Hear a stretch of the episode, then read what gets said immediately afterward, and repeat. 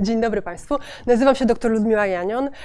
Przyjechałam do Państwa z Ośrodka Studiów Amerykańskich Uniwersytetu Warszawskiego i mam przyjemność poprowadzić w Krośnie wykład dotyczący sta kultury Stanów Zjednoczonych. Proponowany przeze mnie temat to stawki mówienia o rasie. Jest to jeden z cyklu wykładów e, współprowadzonych przez e, Ośrodek Studiów Amerykańskich, Ambasadę Amerykańską i e, Fundację. E, te wykłady znajdują się e, w internecie. E, pierwszy wykład poprowadził z naszego zespołu Piotrek Szyja mówił o NASA i o amerykańskim podboju kosmosu. E, drugi wykład e, Janek Smoleński z naszego zespołu mówił o kulturze broni w USA. Jeżeli Państwo są zainteresowani, to oczywiście zapraszam do znalezienia e, filmików z tymi wykładami na stronie Wszechnicy. Ja proponuję porozmawiać o rasie ponieważ jestem kulturoznawczynią. Um, I proponuję spojrzeć na temat zróżnicowania rasowego Ameryki przez pytanie o stawkę mówienia o rasie. Ponieważ rasa jest takim tematem, moim zdaniem, którym e, znacznie lepiej e, niż pytać na przykład, co to jest rasa, jakby tak próbować zakotwiczyć to, tę rasę w rzeczywistości, ustalić jakąś jej esencję, lepiej jest pytać, jak działa rasa. E, do czego służy rasa, albo właśnie jakie są stawki mówienia o rasie. bo esencja rasy, jak zaraz zobaczymy, umyka, ale stawki mówienia o rasie są bardzo rzeczywiste. E, wydaje mi się też, że w Polsce mamy problem z mówieniem o rasie i to samo to słowo jest dla nas jakoś kłopotliwe. E, I mam dla Państwa trzy przykłady tego, tych kłopotów. E, jednocześnie trzy warte do polecenia książki na temat rasy. Pierwsza z tych książek, książka Rennie Edo Lodge, Dlaczego nie rozmawiam już z białymi o kolorze skóry? E, ta książka e, to jest tłumaczenie mm, brytyjskie. W oryginalnym tytule nazywała się Why, Why I'm No Longer Talking to White People About Race. I z jakichś powodów tłumaczka, e, pani Anna Sachs, zdecydowała się przetłumaczyć race jako kolor skóry. Kolor skóry jest oczywiście ważny, gdy mówimy i myślimy o rasie, ale jednak rasa to nie jest to samo, co kolor skóry. E, z kolei w najnowszej książce z 2022 roku, książki, książce Roxane Gay, Zła feministka, e, tłumaczka e, często decydowała się umieścić słowo rasę w cudzysłów, chociaż w oryginale anglojęzycznym tego cudzysłowu nie było. I ten cudzysłów jakby dystansuje czytelnika do pojęcia rasy, prawda? Pokazuje, że rasa jest pewnym pojęciem, ale jakoś autorka, tłumaczka chciała się od tego pojęcia zdystansować. I mój trzeci przykład dla Państwa. E, tym razem jest książka polskich autorów, świetna książka, w której używa się słowa rasa. Natomiast wydawnictwo, jak promowało tę książkę, promowało ją hasłem nie ma rasy, jest tylko rasizm. Ale co to właściwie znaczy, że nie ma rasy? Prawda? Jednak rasa jakoś jest. Jaka jest stawka powiedzenia, prawda, że nie ma rasy? To jest jedna jakby z rzeczy, e, na które chcę zwrócić Państwa uwagę. I też jako jurorka w konkursie o którym Państwo już słyszeli dzisiaj, e, często widzę, że młodzież licealna ma problemy z pisaniem o rasie. Na przykład używa słów, które są bardzo anachroniczne. Trudno się dziwić, skoro nawet e, tłumaczki, akademiczki e, jakoś podchodzą z dystansem do tego słowa. E, dlatego chciałam z Państwem o tym dzisiaj porozmawiać. Plan na nasze dzisiejsze 30 minut e, jest taki, że najpierw powiemy sobie właśnie, czym może być rasa, a czym rasa z pewnością nie jest. E, to na, omówię na przykładzie połączenia dwóch um, takich niejasnych pojęć rasy i etniczności. Następnie powiemy sobie krótko um, o przy, pewnym przykładzie tego, jak działa rasa, albo gdzie rasa na pewno jest. I to będzie przykład amerykańskiego spisu ludności, czyli cenzusu. E, a w trzeciej części ostatniej powiem o tym, jak mówić o rasie, e, czy jak o rasie mówi się i jak może działać rasa we współczesnych Stanach Zjednoczonych. Co to takiego rasa? Mam dla Państwa dwa krótkie cytaty, które mówią mniej więcej podobną rzecz. George Lipschitz, amerykański akademik żydowskiego pochodzenia, mówi tak. Białość, on jest biały, e, ponieważ Żydzi teraz zaliczają się do rasy białej, chociaż nie zawsze byli za takich uważani w Stanach Zjednoczonych. Białość to oczywiście złudzenie, naukowa i kulturowa fikcja. Białość to też fakt społeczny z licznymi, realnymi konsekwencjami. Podobną myśl wy, e, proponuje nam Ibram Kendi e, w swojej książce How to be Anti-Racist. Rasa jest mirażem, co wcale nie zmniejsza jej siły. To, co ludzie widzą w sobie i innych, przejawia się w wyobrażeniach i działaniach, nawet jeśli widzą tylko iluzje. Autorzy nam tutaj podkreślają, że rasa, rasa to w pewnym sensie miraż i złudzenie, ale jednak rasa jakoś tam jest. E, tych z Państwa, którzy myślą, że rasa to jest coś oczywistego, to właśnie tak jak kiedyś myślano, że rasa jaka jest, każdy widzi, jakby jakoś jest to mm, po prostu fakt y, sposobu istnienia nie wiem, gatunku ludzkiego. Chciałabym spytać, ile właściwie mamy ras? Czy to jest oczywiste pytanie? Ile mamy raz? Bardzo różne odpowiedzi padają na to pytanie. Generalnie więcej niż dwie, mniej niż osiem. Takie najczęściej słyszę odpowiedzi. Jak nazwać te rasy? Tutaj też to wcale nie jest oczywiste. Kiedyś się wydawało, że rasa jakby właśnie jest jakimś takim faktem biologicznym, tak ona kiedyś sobie ludzie wyobrażali, że muszą być jakieś genetyczne być może, bo w naszej kulturze zachodu lubimy myśleć o, różnicach genetycznych jako takich bardziej właściwych, jakichś takich w głębi człowieczeństwa. Jakieś genetyczne, jakieś biologiczne różnice między osobami różnych ras. Dziś wiemy, że jest to znacznie bardziej skomplikowane. Um, oczywiście ludzie pochodzący z pewnych populacji mają pewne cechy wspólne, ale to się ten podział nie pokrywa się z podziałem na rasy. E, inaczej mówiąc, pewne cechy są dziedziczne, ale to konwencja społeczna decyduje, jakie cechy zaliczamy do cech, które stanowią, stanowić mają rasę, a jakie nie. Albo mówiąc jeszcze inaczej, podziały rasowe nie przekładają się na zróżnicowanie genetyczne gatunku Homo sapiens sapiens. Oczywiście jeżeli chcemy szukać jakichś podobieństw genetycznych, a możemy chcieć na przykład, jeśli e, jesteśmy e, naukowcami, zajmujemy się medycyną, wiemy, że pewne populacje chorują częściej na jakieś choroby niż inne, to właśnie wtedy interesują nas te kwestie pochodzenia ludzi z różnych regionów na świecie, ale patrzymy na populację, patrzymy bardziej na coś, co nazywamy etnicznością. I to jest dosyć ciekawe, bo mm, kiedyś uważano, że rasa jest właśnie takim pojęciem oczywistym, a w przypadku osób białych, którzy, były, którzy byli imigrantami przede wszystkim do Stanów Zjednoczonych, których chciano jakoś zróżnicować, bo wiadomo, że imigrant z Polski albo z Włoch miał inną pozycję społeczną niż osoba pochodzenia brytyjskiego, która dłużej mieszkała w Stanach, wprowadzono pojęcie etniczności, prawda? Jakby etniczność, czyli to były osoby, które należały do, były zaliczane do e, grupy osób białych, ale miały mm, kulturowo inne pochodzenie. E, teraz jakby myślimy o tym na odwrót często, to znaczy to właśnie etniczność jest bliższą kategorii, kategorią jakby pochodzenia skądś kategorią populacyjną niż po prostu rasa. Rasa pozostała właśnie takim pustą kategorią bez, jakby bez desygnatu. E, w praktyce w naukach społecznych mm, i kulturoznawczych często używa się pojęcia rasa slash, race slash ethnicity, rasa łamana na etniczność, no właśnie, żeby pokazać ten splot tego, że ludzie pochodzą z różnych miejsc, to wpływa na ich wygląd, to wpływa na ich kulturę, to często wpływa na ich pozycję społeczną, prawda? I jakby już bez tego różnicowania, e, na co właściwie, bo to są po prostu bardzo, dwa bardzo problematyczne pojęcia. Problematyczne pojęcia, których trochę nie ma, ale jednak są. Gdzie na przykład jest rasa? Rasa jest oczywiście w wielu miejscach, a jednym z takich miejsc, w których bez wątpienia jest, będzie spis powszechny, czyli po amerykańsku census. Um, ostatni census um, miał miejsce w 2020 roku. I autorzy tego badania, to jest cytat ze strony internetowej e, rządowej, mówią tak. Kategorie rasowe w kwestionariuszu spisu ludności oddają społeczne rozumienie rasy w tym kraju, czyli w Stanach Zjednoczonych. Nie stanowią próby definiowania, rasy w kategoriach biologicznych, antropologicznych bądź genetycznych. Czyli od razu mamy taki e, disclaimer, takie zastrzeżenie, że to badanie dotyczy społecznego rozumienia rasy, a nie, jest, a nie twierdzi, że są jakieś genetyczne różnice, czyli jakby nie jest rasistowskie, prawda? Próba nierasistowskiego mówienia o rasie.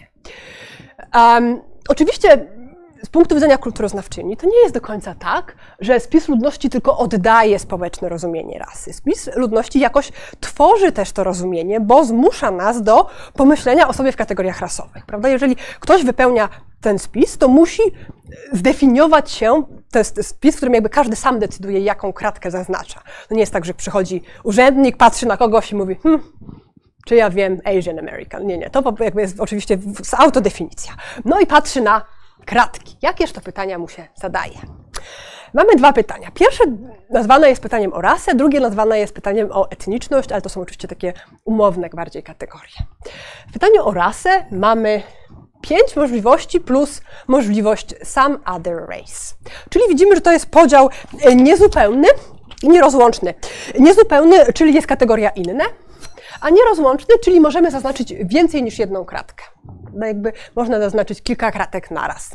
i trzeba się decydować na jedno. Um, kategorie, jak Państwo widzą, white, black or African American, American Indian or Alaska Native, Asian, Native Hawaiian or other Pacific, Islander albo some other race. To są jakby opcje, które daje spis powszechny Amerykanom. Drugie pytanie, tu już można zaznaczyć tylko jedną kratkę, Hispanic or Latino albo not Hispanic or Latino. Co to jest Hispanic or Latino? Definicja oficjalna jest taka. Osoba pochodzenia kubańskiego, meksykańskiego, portorykańskiego, południowo- i centralnoamerykańskiego lub z innego regionu kultury hiszpańskiej, niezależnie od rasy. Znaczy, te pytania są niezależne od siebie. W praktyce ta y, e, kategoria Hispanic or Latino to często jest kategoria uważana za kategorię językową. Jeżeli ktoś pochodzi e, z rodziny e, czy z grupy etnicznej, w której hiszpański jest pierwszym językiem, to często będzie się zaliczał do tej grupy. I do celów statystycznych, na przykład mierzenia zróżnicowania rasowego, te dwa podziały, te dwa pytania, odpowiedzi na te dwa pytania są krzyżowane i uzyskujemy taką ciekawą hierar- taką ciekawą jakby mm, siatkę pojęciową. Wszyscy, którzy odpowiedzieli, że są Hispanic or Latino, idą do jednej kategorii bez względu na rasę i tworzą kategorię Hispanic. Następnie mamy kategorię osób, które zaznaczyły tylko jedną kratkę. Na przykład white alone, non-Hispanic. Black or African, America, African American alone, not Hispanic i tak dalej. I oczywiście mamy kategorię multiracial non-Hispanic, czyli to jest ta kategoria tych osób, które zaznaczyły więcej niż jedną kratkę, bez względu na to, które to były kratki. A tutaj jakby dzieje się kilka ciekawych rzeczy, chociaż może się to wydać dosyć oczywiste i chciałam Państwu powiedzieć o tym na dwóch przykładach. Pierwszy przykład to jest przykład pewnego szumu medialnego, nazwijmy to elegancko, tak? Dotyczącego tego, czy Antonia Banderas jest Hispanic i czy w tym sposobem należy do people of color. E, spór ten wybuchł wtedy, kiedy były spory o to, że Hollywood jest bardzo białym miejscem, w którym osoby białe e, są faworyzowane i bardzo mało jest nominowanych na przykład do Oscarów osób pochodzących właśnie z mniejszości rasowych, czy osób, e, które po angielsku się nazywa people of color. I część komentatorów mówiła, że no właśnie mamy hashtag Oscars so white, wszyscy poza Antonio Banderasem są biali. Tam powiedzmy w kategorii dla najlepszego aktora. No właśnie, ale czy Antonio Banderas jest Hiszpanik? Antonio Banderas jest Hiszpaninem. On sam powiedział, że to dla niego nie ma żadnego znaczenia i on często, jak był w Stanach, identyfikował się właśnie z latyno, latyno, latynosami. Oczywiście on nie jest latynosem, bo nie jest z Ameryki Łacińskiej, ale zgodnie z definicją Hispanik, prawda, przypomnijmy, z innego regionu kultury hiszpańskiej, niezależnie od rasy, wydawałoby się, że Antonio Banderas mógłby być Hiszpanik. Oczywiście nie chodzi o to, żeby zastanawiać się, jakiej tożsamości jest Antonio Banderas. Chodzi o to, żeby zobaczyć, jakie są stawki zastanawiania się nad tym pytaniem. Prawda? Z jednej strony mamy komentatorów, którzy chcą powiedzieć, że Oscars wcale nie są so white, bo przecież mamy tutaj jednak reprezentanta z mniejszości. A z drugiej strony mamy Hiszpanów, którzy się bardzo oburzyli, jak to oni nie są biali. Prawda? Hiszpanie chcą być biali, tak samo jak Polacy chcą być biali i nie wiem, Szwedzi chcą być biali, prawda, w Stanach Zjednoczonych. To by oznaczyło, że wszyscy Hiszpanie, którzy przyjeżdżają do Ameryki na wakacje, przestają być biali, chociaż w Europie są biali. Um, czyli to wcale nie jest oczywista sprawa, to jest sprawa polityczna. Drugi przykład tego, jak to jest sprawa polityczna, to jest przykład kategorii e, białości. Jak widzą ta kategoria państwa, ta kategoria białości, ona jest w tym podziale dosyć obszerna. I zaliczają się do niej różne osoby, które wcale niekoniecznie byłyby uznane za osoby białe w społeczeństwie amerykańskim. E, albo które byłyby włączone tylko warunkowo do kategorii białości. Na przykład Żydzi, Persowie, Arabowie, Berberowie i inne ludy Bliskiego Wschodu, ludy semickie itd. Um, Oczywiście nie chcę powiedzieć, że te osoby nie są białe, ale chcę zwrócić uwagę na to, że to wcale nie jest tak, że jakbyśmy spytali jakiegoś pierwszego Amerykanina, czy Arabowie są biali, on, ta osoba powiedziała, że oczywiście, że są biali. Są biali według tego spisu, ale w praktyce badania naukowe mówią, że stają się bardziej biali wtedy, kiedy kraje z ich pochodzenia e, prowadzą politykę sojuszniczą względem Stanów Zjednoczonych. Natomiast jeżeli Stany Zjednoczone prowadzą na przykład wojnę z Irakiem, to mm, Amerykanie irackiego pochodzenia wypadają z kategorii białości. Są postrzegane jako mniej białe niż wcześniej. I znowu oczywiście pytanie o to, na przykład, czy osoba Afgan-American, Amerykanin pochodzenia afgańskiego jest biała, to nie jest pytanie o to, jak ktoś się definiuje, to jest pytanie, to jest pytanie polityczne, prawda? Jaka jest stawka powiedzenia, że taka osoba jest biała? E, no i oczywiście to też pokazuje nam na jakby sama kategoria Afghan American pokazuje nam na znaczenie kolejne, kolejnego pojęcia w tym całym splocie, czyli pojęcia narodowości. Prawda? Afganistan jest krajem, w którym mieszka bardzo wiele grup etnicznych pochodzących z różnych stron, e, których stosunek do białości może być różny i mogą zaznaczać różne e, kratki, może white, a może Asian, a może inne, inne kratki. E, jeśli są Państwo ciekawi, to e, w tym spisie z 2020 roku największą grupą e, była grupa white alone, non-hispanic. Jak Państwo myślą, ile procent Amerykanów de deklaruje taką tożsamość etniczną? 58. 58, e, Hispanic 19%. E, Black or African American alone, non-Hispanic 12%. Zdecydowana większość osób deklarujących Hispanic to są osoby, e, które deklarują też rasę białą. Jak mówić o rasie? Cytat fantastyczny z Henry'ego Louisa Gatesa. My grandfather was colored, my father was negro, and I am black. To jest bardzo ciekawy cytat, który pokazuje, że język szybko się zmienia, e, że trzeba nad tym językiem nadganiać, e, ale też moim zdaniem on jest bardzo ciekawy, bo jest to jeden z tych cytatów, w przypadku których to, co jest niepowiedziane, jest równie ważne jak to, co jest powiedziane. Prawda? Nie, nie dowiadujemy się, jak nazywano prapradziadka Henry'ego, Henry'ego Louisa Gatesa. A wiemy, prawda? I wiemy, że tego tutaj nie ma.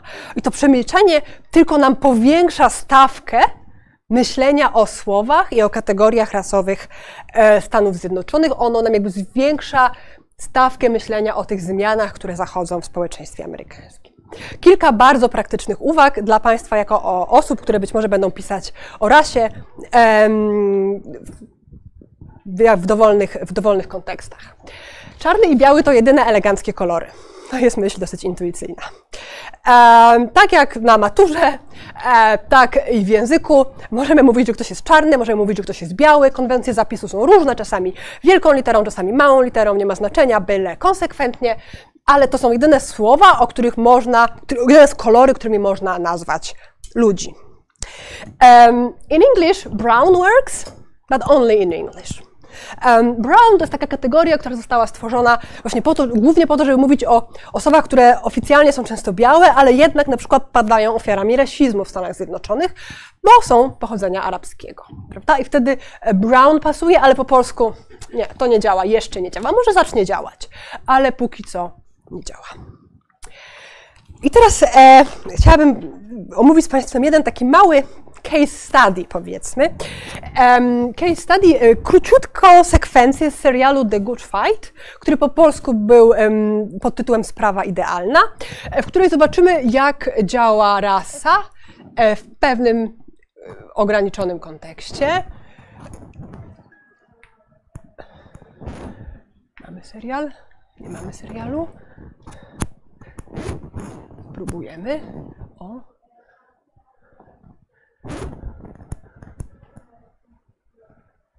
Fantastycznie, mamy serial.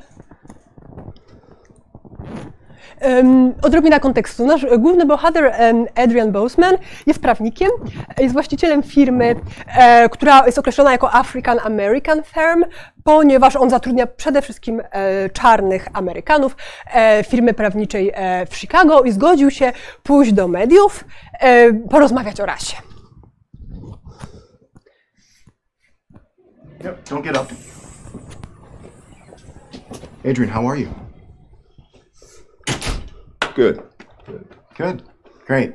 Listen, everyone at the network loves you. You're smart, you're articulate. The thing is, is we like it when you bring a little more heat to the panel. Oh, be the angry black man. God no. That's an ugly stereotype. Just just go with your impulses. People are riled up these days. They want to hear someone saying what they're thinking. That's all. We're all looking for those viral moments. I'll see you out there. It's a great best. Why does racism only go one way? That's what I want to know. I see racism against whites every day, every single day, yet I'm a racist for pointing that out? Adrian, what's your take? Take on what? What Chuck just said? Is racism just a one way street? I think that's his opinion. Look at your firm, Adrian. You get the benefit of no bid contracts because you're an African American firm. Now, as a white lawyer, what am I supposed to think of that? I don't know. I think Chuck is pointing out a double standard here, Adrian. I mean, take hip hop. We've talked about this on the show before. You have African American rappers saying inward this and inward that, but a Caucasian can't. So say it. Say what? Say the word you want to say. I'm not saying that I want to say it, I'm just saying that I can't. Sure you can. Say it. Say it right now. I will say it with you. Okay, this is hypocritical. You know we can't. Sure you can. This is America. Both of you. Say it. Mm, mm. All right, I think we can move on. Why? Why move on when you want to say it? Both of you want to say it. Huh? All together, everybody. Mm, I śmieje się z tego protagonistka, grana przez aktorkę polskiego pochodzenia z Buffalo. Um, rodzice byli imigrantami z Polski. I jakby my też mamy, prawda, tutaj jakby wyśmiać tę scenę razem, em, razem z bohaterką.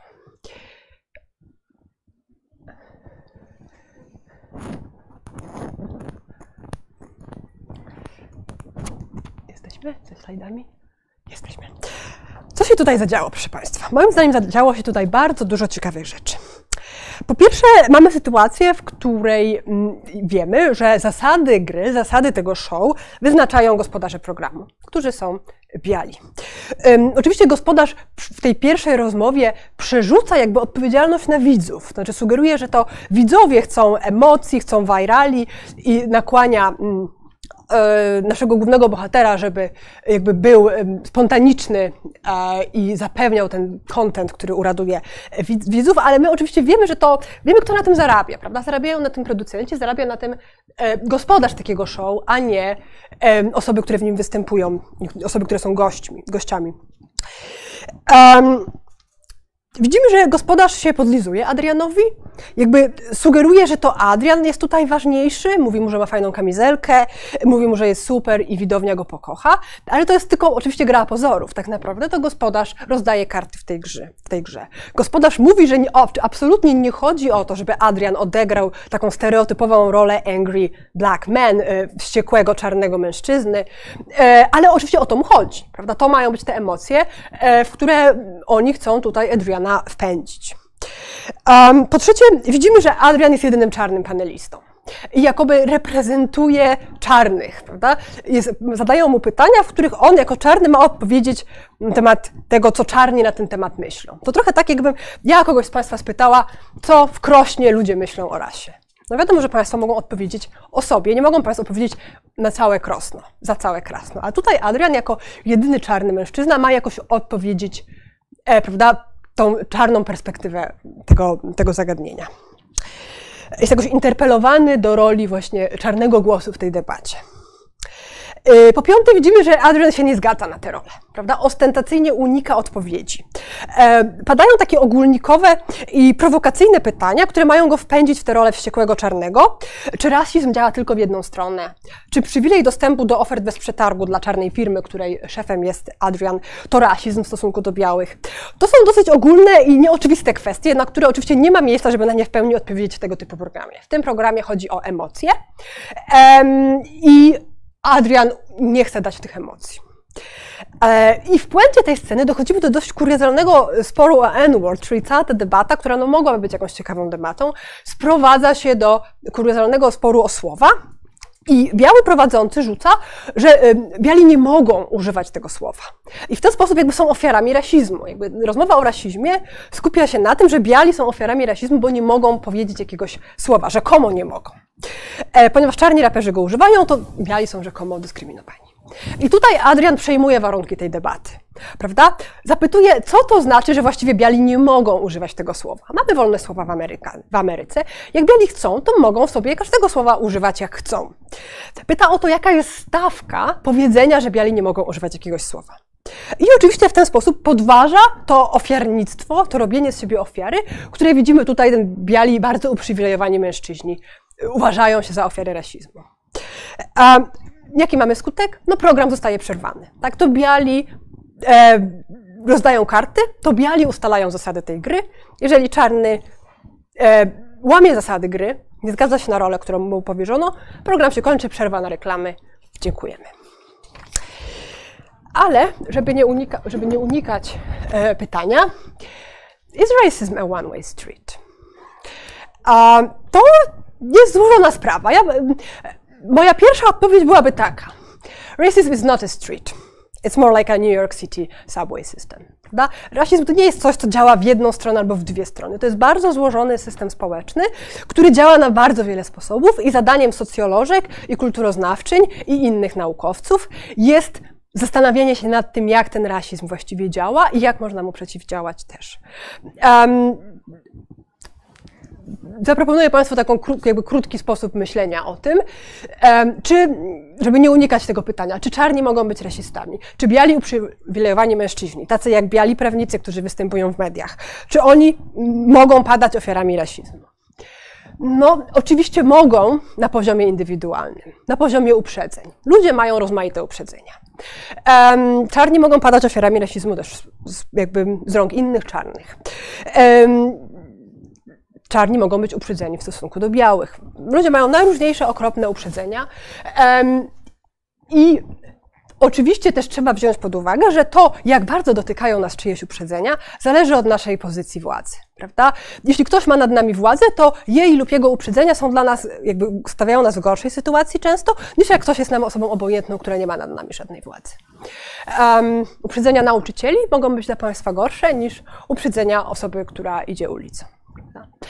Um, natomiast problem się pojawia na poziomie czegoś, co się nazywa strukturalnym rasizmem co jest właśnie tym e, złożonym e, społecznym systemem myślenia o różnicach rasowych, znacznie bardziej głębszym niż to, co ktoś sobie myśli. Prawda? Na przykładzie tej jednej sceny możemy zastanowić się, jak tutaj działa rasizm. Bo przecież to nie jest tak, że ci dwaj biali panowie, oni są po, tak po prostu rasistami. No, i, no może nie są specjalnie sympatyczni, może są prowokacyjni, może chcą coś ugrać, ale nie powiemy, że to są jacyś rasiści z jakimiś uprzedzeniami w stosunku do czarnych osób.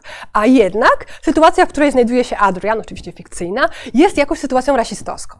Prawda? Jakoś głęboko rasistowską.